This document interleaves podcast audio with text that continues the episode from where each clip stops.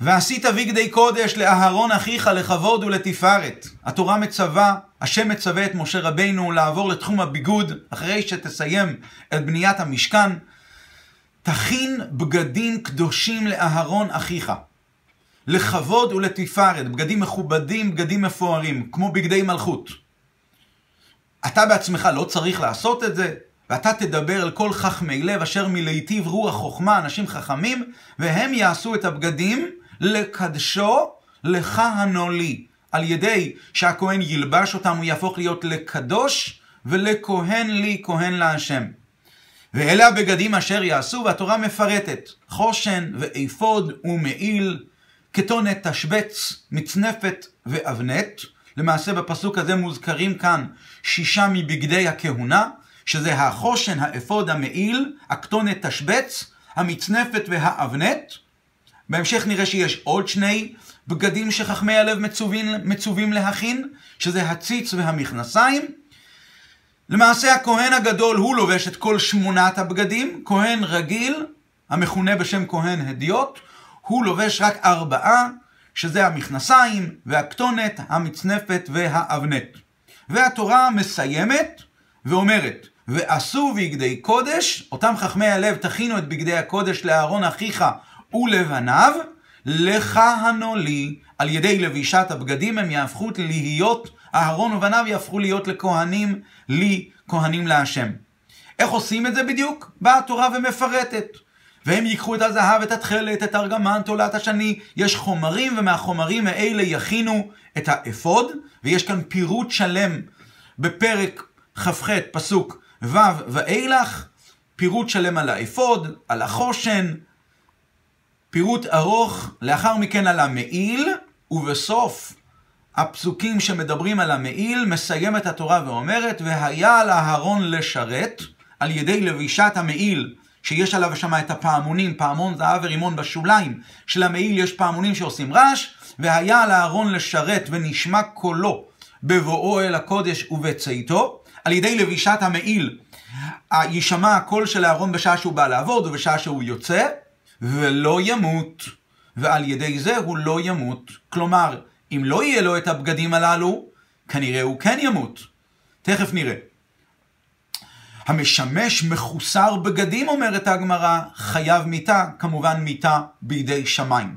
ואז התורה ממשיכה ומפרטת על הציץ ועל המכנסיים, הכתונת המכנסיים, ובסיום של כל הפסוקים, הן על הציץ והן על המכנסיים, בסוף בסוף כותבת התורה פרק כ"ח פסוק ל"מ"ג, והיו על אהרון ועל בניו, בגדי הכהונה הללו יהיו על אהרון ועל בניו, מתי?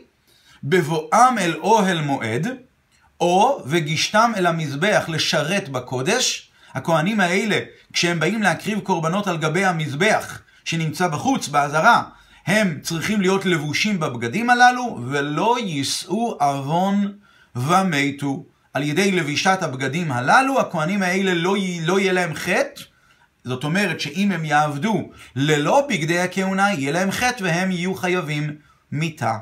חוקת עולם, לו לא ולזרעו אחריו, וכך למעשה מסתיימת הפרשה המדברת על בגדי הכהונה. ככה באמת רש"י מסביר בסיום של הפרשה, רש"י מצטט את המילים והיו על אהרון ועל בניו, רש"י מצטט את המילים ומתו, ולא יישאו עוון ומתו.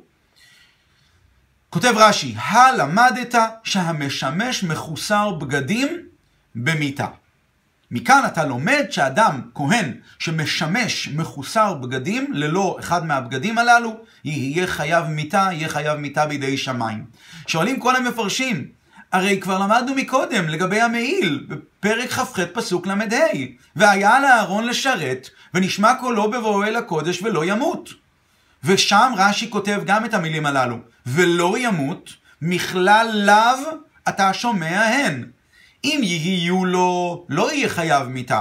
אם ייכנס מחוסר אחד מן הבגדים הללו, חייב מיתה בידי שמיים. אז רגע, אז למה צריכים עוד פעם? למה התורה חוזרת עוד פעם ואומרת את העוון הזה של ולא ימות? ורש"י אומר, הלמדת בפ... בפרק כ"ח פסוק מ"ג, לאחר שכבר למדנו בפרק כ"ח פסוק ל"ה. הלמדת, פה אתה לומד בפסוק מ"ג שהמשמש מחוסר בגדים חייב מיתה. מדוע התורה חוזרת פעמיים? טוב, יכולנו אולי להסביר שהתורה חוזרת להדגיש את חומרת העניין. מזכיר קצת את אה, לשון חז"ל, לעבור עליו בשני לוין. אז גם כאן התורה חוזרת עוד פעם כדי להזכיר, אין פעמיים מיתה כמובן, אבל יש, התורה רוצה להדגיש את חומרת העניין. ככה יכולנו באמת להסביר. אבל רש"י אומר, הלמדת, מפה אתה לומד, דווקא מהפסוק השני, אתה לומד את הדין הזה. רש"י, רש"י בעצמו כבר אמר מקודם, שלומדים את זה בפסוק הקודם. כל מפרשי רש"י ממש מתחבטים בשאלה הזאת. רבי אליהו מזרחי הראמה הוא מסביר שהפסוק הקודם בפסוק ל"ה, שם אנחנו לומדים את זה רק על החושן אפוד, מעיל, כתונת, מצנפת ואבנת. כל הפסוקים שמוזכרים שם, התורה הזכירה, אמנם התורה לא פירטה, אבל התורה כבר הזכירה בהתחלה, אלה הבגדים אשר יעשו, התורה הזכירה שישה בגדים. את, את שני הבגדים, ציץ ומכנסיים, לא מפורטים לפני כן, לפני פסוק ל"ה. לכן, את ההלכה שכותבת לאחר מכן, מסתבר שגם אם, אם, גם אם הכהן הגדול יהיה חסר, חסר לו הציץ, או המכנסיים, אזי יישאו עוון ומתו, ולכן התורה חוזרת פעמיים. אולי זה גם כן יכול להיכנס טוב למילים של רש"י. רש"י כותב, אם ייכנס, בהתחלה רש"י כותב, אם ייכנס מחוסר אחד מהבגדים הללו, כלומר הבגדים שכבר למדנו עליהם, ואילו כאן בסוף הוא כותב, הלמדת שהמשמש מחוסר בגדים, מחוסר בגדים סתם, לא בגדים הללו. רגע, אבל זה הפירוש הזה הוא לגמרי לא מובן. אם התורה כבר מציינת בסוף הפרשה, אחרי פירוט כל שמונת הבגדים, שיש כאן חובה ללבוש אותם, ואם לא יהיה חלילה עוון של מיתה, אז למה התורה צריכה להזכיר את זה אחרי המעיל, ולדעת על הבגדים הללו, על שישה הבגדים הראשונים? שישה הבגדים, נכל... ששת הבגדים נכללים בשמונת הבגדים שכתוב בסוף. הבה ונסתפק בפסוק האחרון שמדבר על הנושא הזה, וזהו, למה התורה חוזרת פעמיים? קשה מאוד להסביר את ההסבר הזה. יש כאלה שטוענים, להפך, הם טוענים, הציווי מדבר, הציווי הראשון מדבר נטו על המעיל. שם כתוב שם נטו על המעיל. ונשמע קולו בבואו אל הקודש ובצאתו ולא ימות, זה אזהרה נטו על המעיל. וההמשך, והיה על אהרון ועל בניו ולא יישאו עוון ומתו, הפעם השנייה שכתוב בפסוק ל', בפסוק מ"ג, שם זה נאמר נטו לגבי המכנסיים. אז מאיפה רש"י אומר, המשמש מחוסר בגדים חייב מיתה? הוא לומד את זה בכלל מהמשך הפרשה. בהמשך הפרשה כתוב בהמשך, כאשר התורה מפרטת איך בדיוק היו, הכין משה רבינו את אהרון ואת בניו לעבודת הכהונה באותם אה, שבעת ימי המילואים, בהכנה, בסטאז' שהם עשו, אז שם כתוב ככה, וחגרת אותם והייתה להם כהונת, כהונה לחוקת עולם. זאת אומרת, וחגרת אותם, תחגור אותם, תלביש אותם את כל הבגדים הללו, ועל ידי זה יהיה כהונת עולם. אז הגמרא, במסכת זבחים, מסכת סנהדרין, הגמרא אומרת ככה, והייתה להם כהונת עולם, בזמן שבגדיהם עליהם, כהונתם עליהם. אין בגדיהם עליהם, אם הבגדים הם עליהם, אז כהונתם עליהם. אם הם, אם הם לא בבגדיהם, אם הם לא חסר אחד מהבגדים, אז הם כהונתם לא עליהם. אם כהונתם לא עליהם, אז כשהם נכנסים למקדש הרי הם כזרים. וזר ששימש חייב מיתה. זר שאינו כהן. ולמעשה אם, אתה, אם הכהן הוא ללא בגדי הכהונה, הוא למעשה לא כהן. אם הוא לא כהן, אז הוא זר, וזר ששימש חייב מיתה. המפרשים, הגור אריה ועוד, מסבירים שזה כוונת רש"י. רש"י מתכוון לומר, אני יודע שהמשמש מחוסר בגדים חייב מיתה. רק שהפירוש הזה הוא מאוד מאוד קשה. רש"י בפסוק מ"ג מסתמך על מה שנאמר לאחר מכן, זה נוגד את הכללים של רש"י. בכללי רש"י אנחנו יודעים שרש"י בדרך כלל לא, מסת... לא מסתמך על פסוק מאוחר יותר ועל ידו הוא, מס, הוא מסתייע בפסוק מוקדם יותר. זה כלל מאוד מאוד בסיסי בדברי רש"י. אז הפסוק וחגרת אותם חגורות והייתה להם כהונת עולם, שהגמרא באמת לומדת מזה, שבאמת כהונתם עליהם, אה, בגדיהם עליהם כהונתה עליהם, זה ביור של הגמרא, אבל בפשוטו של מקרא, אנחנו לא לומדים את זה, ובאמת, שמה בהמשך, כאשר התורה באמת מתארת את, את, את אה, ימי המילואים, והפסוק הזה, רש"י שם בכלל לא מזכיר את כל העניין הזה. רש"י שם כותב, רש"י לא מזכיר את דרשת חז"ל בזמן שכהונתם עליהם, בגדיהם עליהם כהונתם עליהם. רש"י אומר, והייתה להם חוקת עולם, המילוי הידיים, החינוך הזה, זה יהיה להם כהונת עולם, על ידי זה כולם יהפכו להיות כהנים. זה בכלל עניין שקשור לשבעת ימי המילואים, זה לא משהו שהוא, זה לא משהו שהוא מדבר על היום-יום, בגדי, על העבודה היומיומית של הכהן, שהוא צריך להיזהר, לא להיכנס ולא לשכוח את אחד מהבגדים. אז קשה מאוד להסביר את ההסבר הזה בדברי רש"י, וחוץ מזה רש"י כותב בצורה ברורה על פסוק מ"ג, בסיום מיד אחרי המכנסיים. מיד אחרי כל שמונת הבגדים. מה כותב, את, מה כותב רש"י? הלמדת, אם ייכנס מחוסר אחד מן הבגדים הללו, הלמדת, הכוונה היא, הנה כעת למדת, לא בהמשך למדת, אלא פה כעת אתה יודע שאסור להיכנס מחוסר בגדים, מחוסר בגדים ששימש, חי... אם ייכנס מחוסר אחד מן הבגדים הללו, חייב מיתה. העניין הזה נלמד מכאן ולא מההמשך. אז מה ההסבר, מה קורה כאן? הבה ונראה כמה שינויים מעניינים בלשונו של רש"י. בפסוק, בלשונו של רש"י, לא בפסוקים. בפסוק ל"ה רש"י כותב, אם ייכנס והוא מחוסר אחד מן הבגדים. זה בפסוק ל"ה. בפסוק מ"ג הוא כותב, המשמש מחוסר בגדים. שם הוא מדבר על אם ייכנס מחוסר בגדים, זה שינוי אחד. אם ייכנס מחוסר אחד מן הבגדים הללו, בל"ה. במ"ג, משמש מחוסר, למדת, המשמש מחוסר בגדים. זה אה, שינוי ראשון. כלומר, בפסוק ל"ה מדובר על האיסור להיכנס למשכן מחוסר בגדים, ואילו בפסוק מ"ג מדובר על האיסור לשמש, לעבוד, לעשות את העבודה במקדש בלי בגדי הכהונה. זה שינוי ראשון, אלא שלפי זה השאלה מתחזקת. למה, אם, למה התורה צריכה ללמד אותנו את שני האיסורים? הרי זה, הרי זה קל וחומר.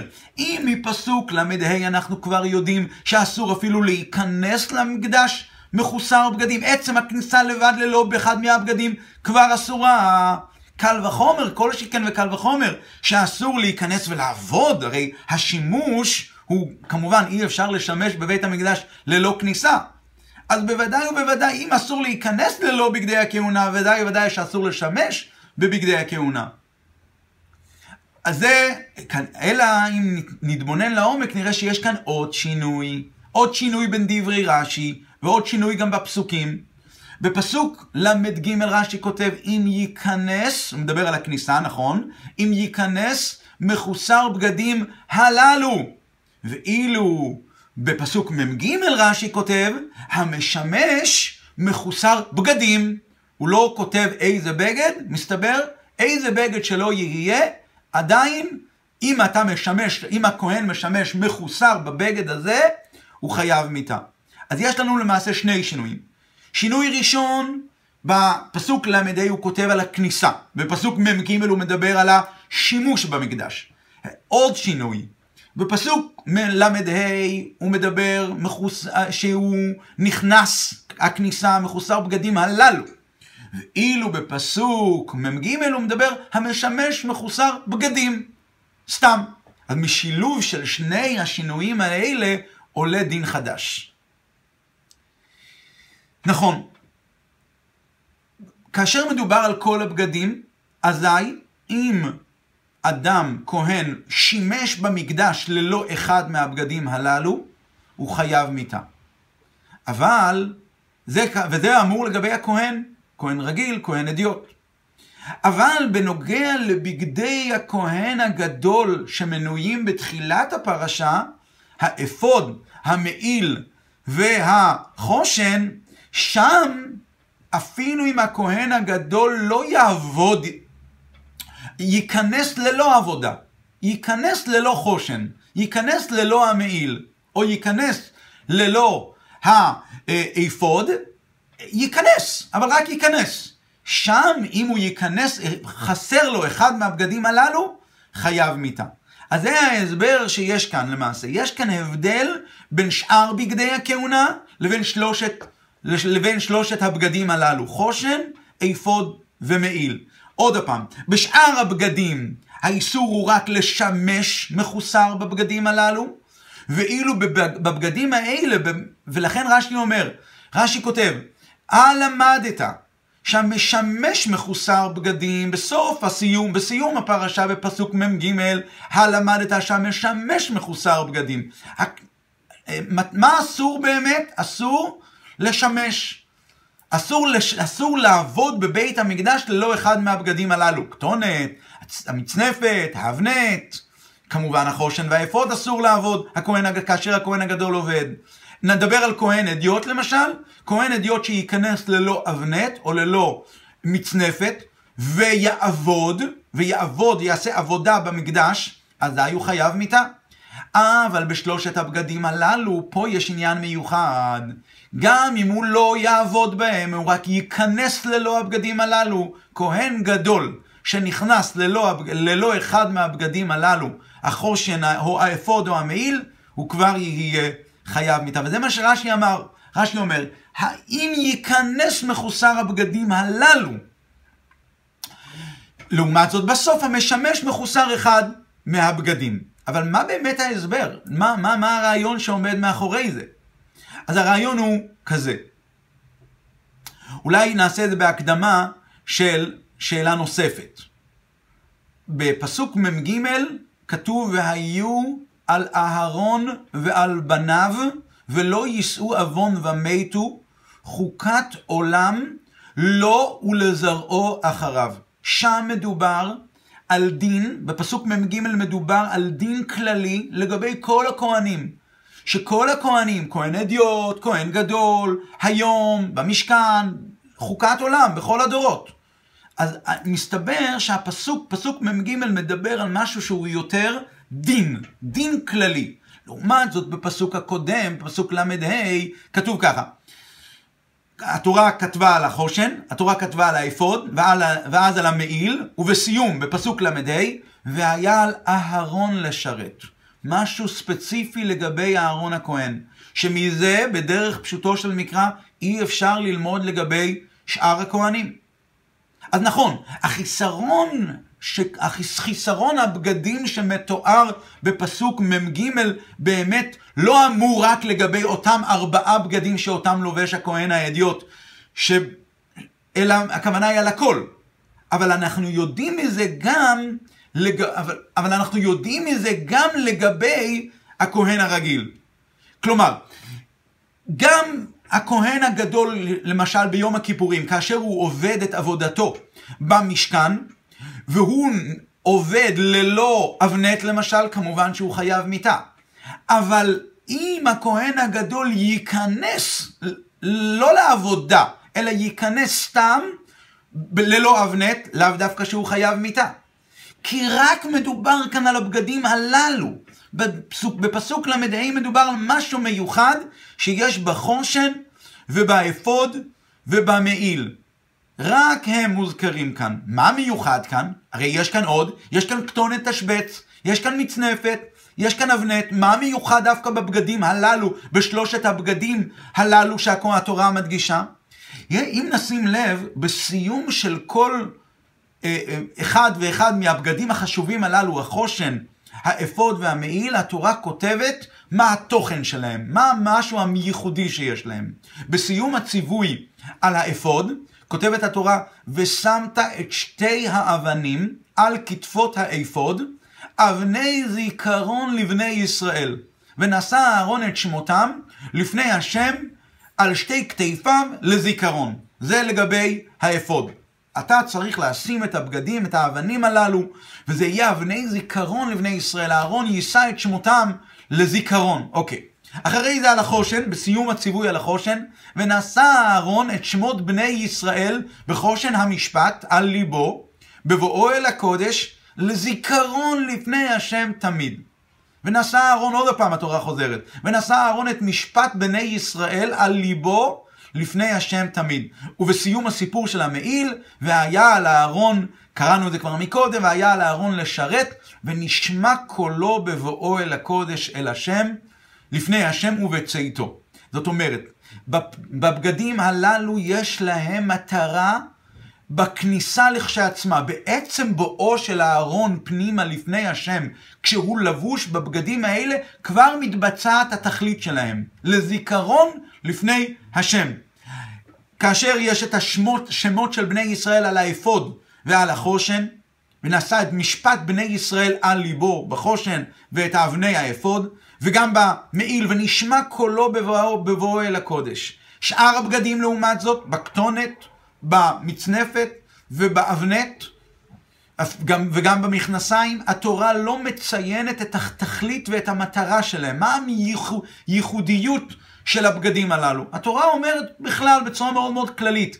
אם נסתכל לאחר מכן בשבעת ימי המילואים, אז השם מצווה את משה איך להכין, לעשות להם את הסטאז' ואז התורה כותבת, והלבשת אותם, את אהרון אחיך ואת בניו איתו, ומשכת אותם, ומילאת את ידם, וקידשת אותם, וכיהנו לי. כלומר, הבגדים הללו עניינם הוא מילוי ידיים, קידוש, שירות של הכהנים. התורה מציינת בהמשך שעל ידי שהם ילבשו את הבגדים הללו, אז על ידי זה הם יוכלו פשוט לעבוד.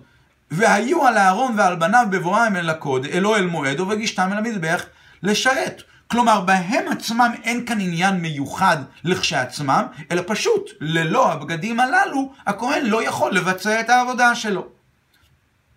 אז לכן, יש לנו כאן שני פסוקים, ויש באמת את ההבדל ביניהם. וכמו שאמרנו מקודם, לגבי כל הבגדים, מה אנחנו אומרים? המשמש מחוסר בגדים. כי עיקר התפקיד של שאר הבגדים הוא קשור לעבודה, עבודה בבית המקדש. אבל הבגדים הללו בפסוק ל"ה, שהוא מסכם את החושן, האפוד והמעיל, שם חובת המיטה על חיסרון באותם בגדים, זה לא בגלל העבודה שבהם, אלא זה בגלל שיש בהם משהו מיוחד בעצם הכניסה.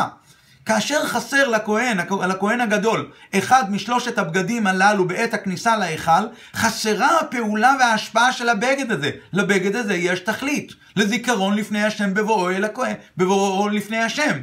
ולכן הוא חייב מיתה. רגע, מה עם הציץ?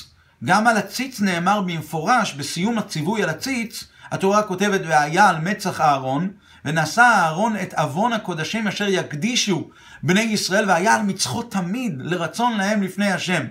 אז אנחנו רואים לכאורה שהמהות והתכלית והמטרה, ההשפעה של הבגד של הציצו והיה על מצח אהרון. אבל התורה בכל זאת לא כותבת את ה... את חובת המיטה על חיסרון בציץ ביחד עם שלושת הבגדים הללו. היא כותבת שבאמת המשמש מחוסר בגדים, אם הכהן הגדול עובד ללא הציץ, עובד ללא הציץ, הוא באמת חייב מיטה. אבל ב... היא לא כוללת את הציץ בשלושת הבגדים הראשונים. מה באמת ההסבר? מה ההבדל בין שלושת הבגדים הראשונים, חושן, אפוד ומעיל, והציץ? אז רש"י באמת מסביר, כתוב ש"והיה על מצח אהרון תמיד", הציץ צריך להיות תמיד תמיד על מצח אהרון. אז רש"י שמה מסביר שתמיד הכוונה היא לרצות להם אפילו אינו על מצחו, שלא היה כהן גדול עובד באותה שעה. כלומר, ההשפעה של הציץ היא לא כרוכה בכלל בכניסה להיכל. היא אפילו לא כרוכה בהימצאותו על מצח הארון. זוהי פעולה תמידית. רש"י טוען שהפירוש תמיד, והיה על מצח הארון תמיד, רש"י מסביר, ולא ניכנס לעומקם של דברים, איך הוא, מאיפה הוא הגיע לזה, אבל הפירוש הוא תמיד, זוהי פעולה תמידית מעצם מציאות הציץ. עצם מציאות הציץ היא כבר גורמת לרצון להם לפני השם. יש כמובן דעה שאומרת, יש שתי דעות בעניין הזה בגמרא. יש דעה שאומרת, אודהו על מצחו מרצה. ואם לאו, אם הציץ אינו על מצחו של אהרון, אינו מרצה. אבל אחרי ככלות הכל, פעולת הציץ בגדול, על מה היא מרצה? על מה היא עושה כפרה? היא מרצה על דם ועל החלב שקרבו בטומאה. כלומר, פעולות שהיו בבית המקדש, שהן פעולות שהיו בטומאה. זה לא קשור כל כך לעצם הכניסה. זה אם היה איזושהי טומאה על קורבן, אז היא מכשירה והיה בטעות והקריבו אותו, אז הציץ מרצה ומכשיר את הקורבן לפני השם. אבל זה לאו דווקא, שוב, גם לדעה שאומרת אודיו על מצחו מרצה, אה, ואם אינו על מצחו אינו מרצה. אבל רש"י מביא כבר שיש דעה אחרת שאומרת ש... והיה על מצחו תמיד לפני השם. עצם מציאות הציץ, אפילו שהיא לא בכניסה למשכן, ואפילו שהיא לא על מצח הארון, היא כבר מרצה ולכן זה משהו יוצא דופן. ולכן שלושת הבגדים הללו, החושן והאפוד והמעיל, יש להם עניין מיוחד, ולכן בהם אפילו הכניסה לבד היא כבר בעייתית, ללא אחד משלושת הבגדים הללו. יוצא לפי זה דבר מאוד מאוד מעניין. כהן גדול, אם הוא נכנס להיכל בלי אחד מהבגדים, ויצא מההיכל בלי לעבוד, יהיה הבדל איזה בגד היה חסר לו. האם היה חסר לו אחד משלושת הבגדים, חושן אפוד או מעיל, או שהיה חסר לו אחד מחמשת הבגדים האחרים. אם חסר לו מצנפת, הוא רק נכנס, כאמור, הוא נכנס ולא עבד. אם חסר לו מצנפת, אין עליו את חובת מיתה, כי הוא לא עבד בהיכל. אבל אם חסר לו אחד מהבגדים הללו, אחד מבגדי הכהן הגדול, החושן או האפוד או המעיל, אז אפילו אם הוא לא עבד ויצא, הוא חייב מיתה בידי שמיים. למה? אם ייכנס מחוסר אחד מן הבגדים הללו. יש כאן נפקמינה נוספת, לכאורה, מה יהיה, דבר הלכה מעניינת, מה יהיה אם הוא פשט את אחד מהבגדים אחרי שהוא גמר את העבודה, אבל הוא עדיין לא יצא. יהיה הבדל אם יהיה הבדל בין שלושת הבגדים לבין שאר הבגדים. אז לכאורה רש"י אבל היה צריך לומר אם ייכנס או אם יצא.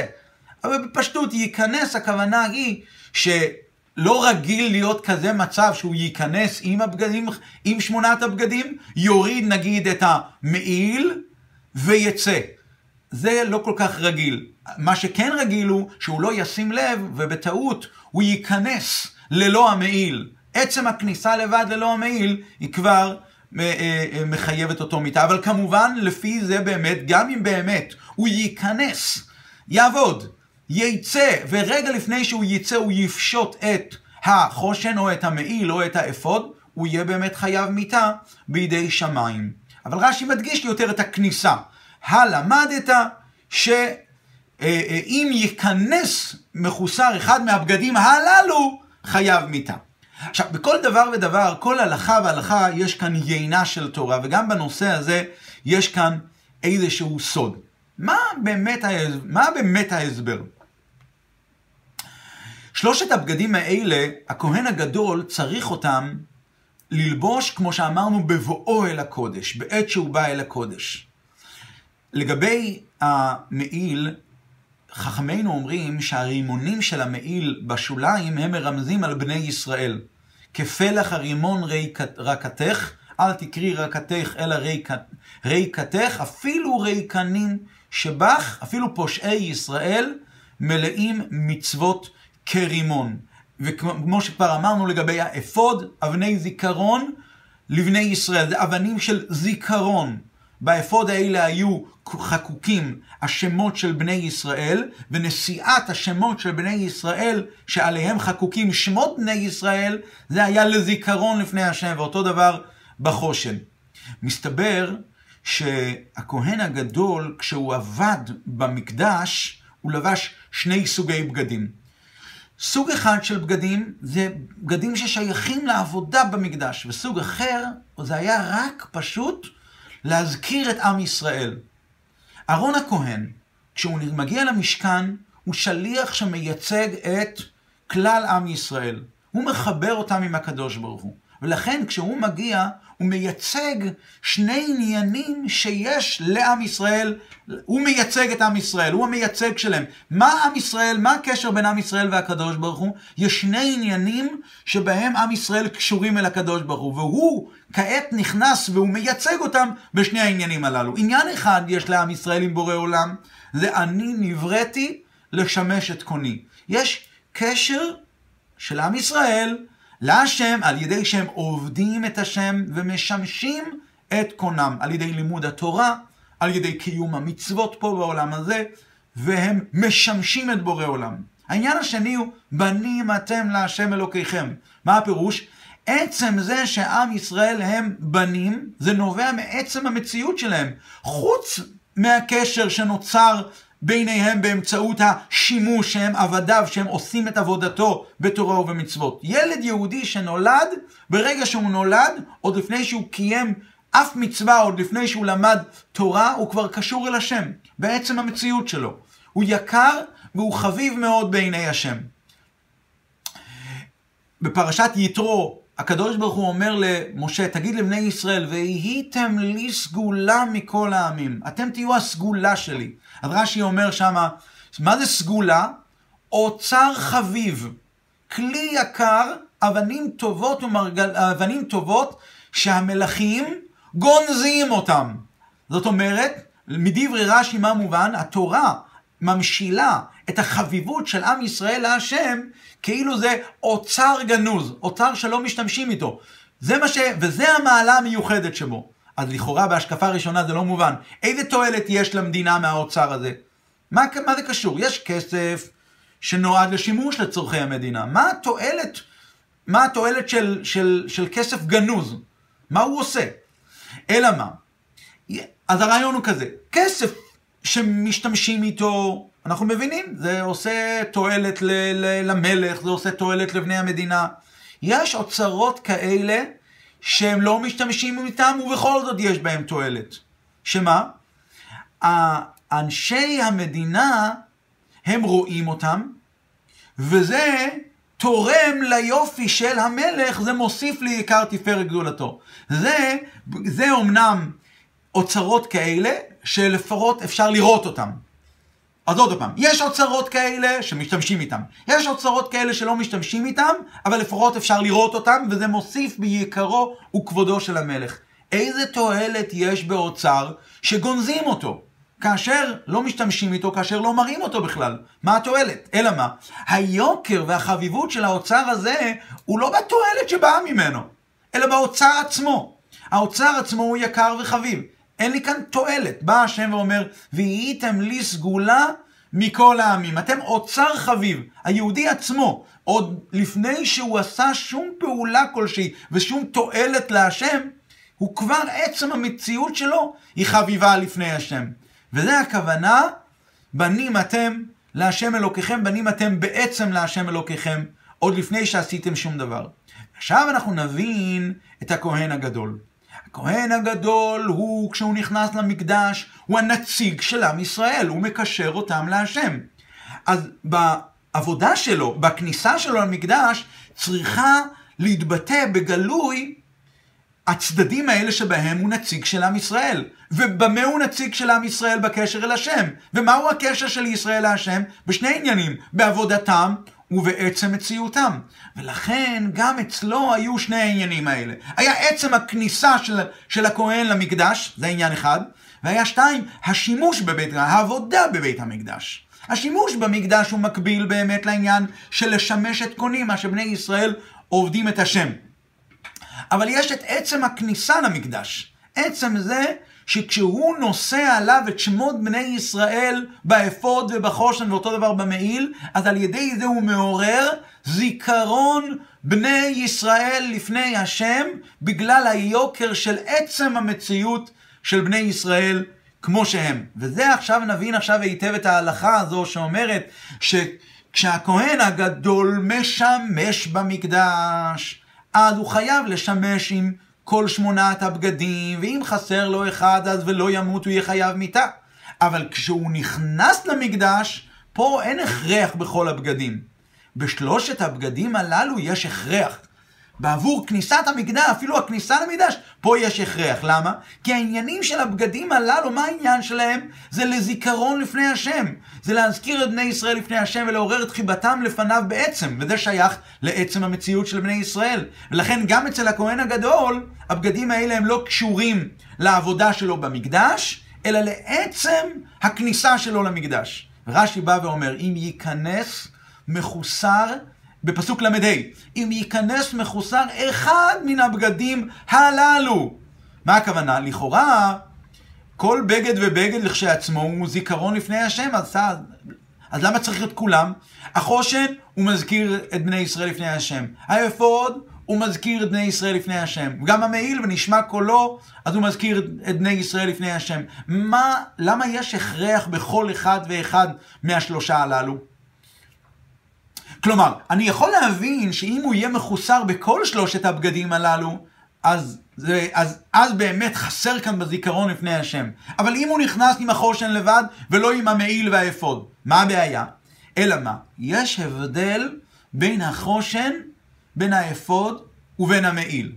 כל אחד ואחד מהבגדים הללו, שלושת הבגדים הללו, מורה על דרגה אחרת בבני ישראל. החושן היה הלב הארון.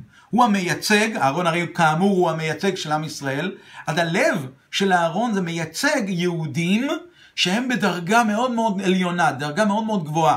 שהלב שלהם והפנימיות שלהם הם, הם כראוי. זה יהודים של, שעובדים את השם מתוך אהבה, מתוך תענוג. יש את האפוד.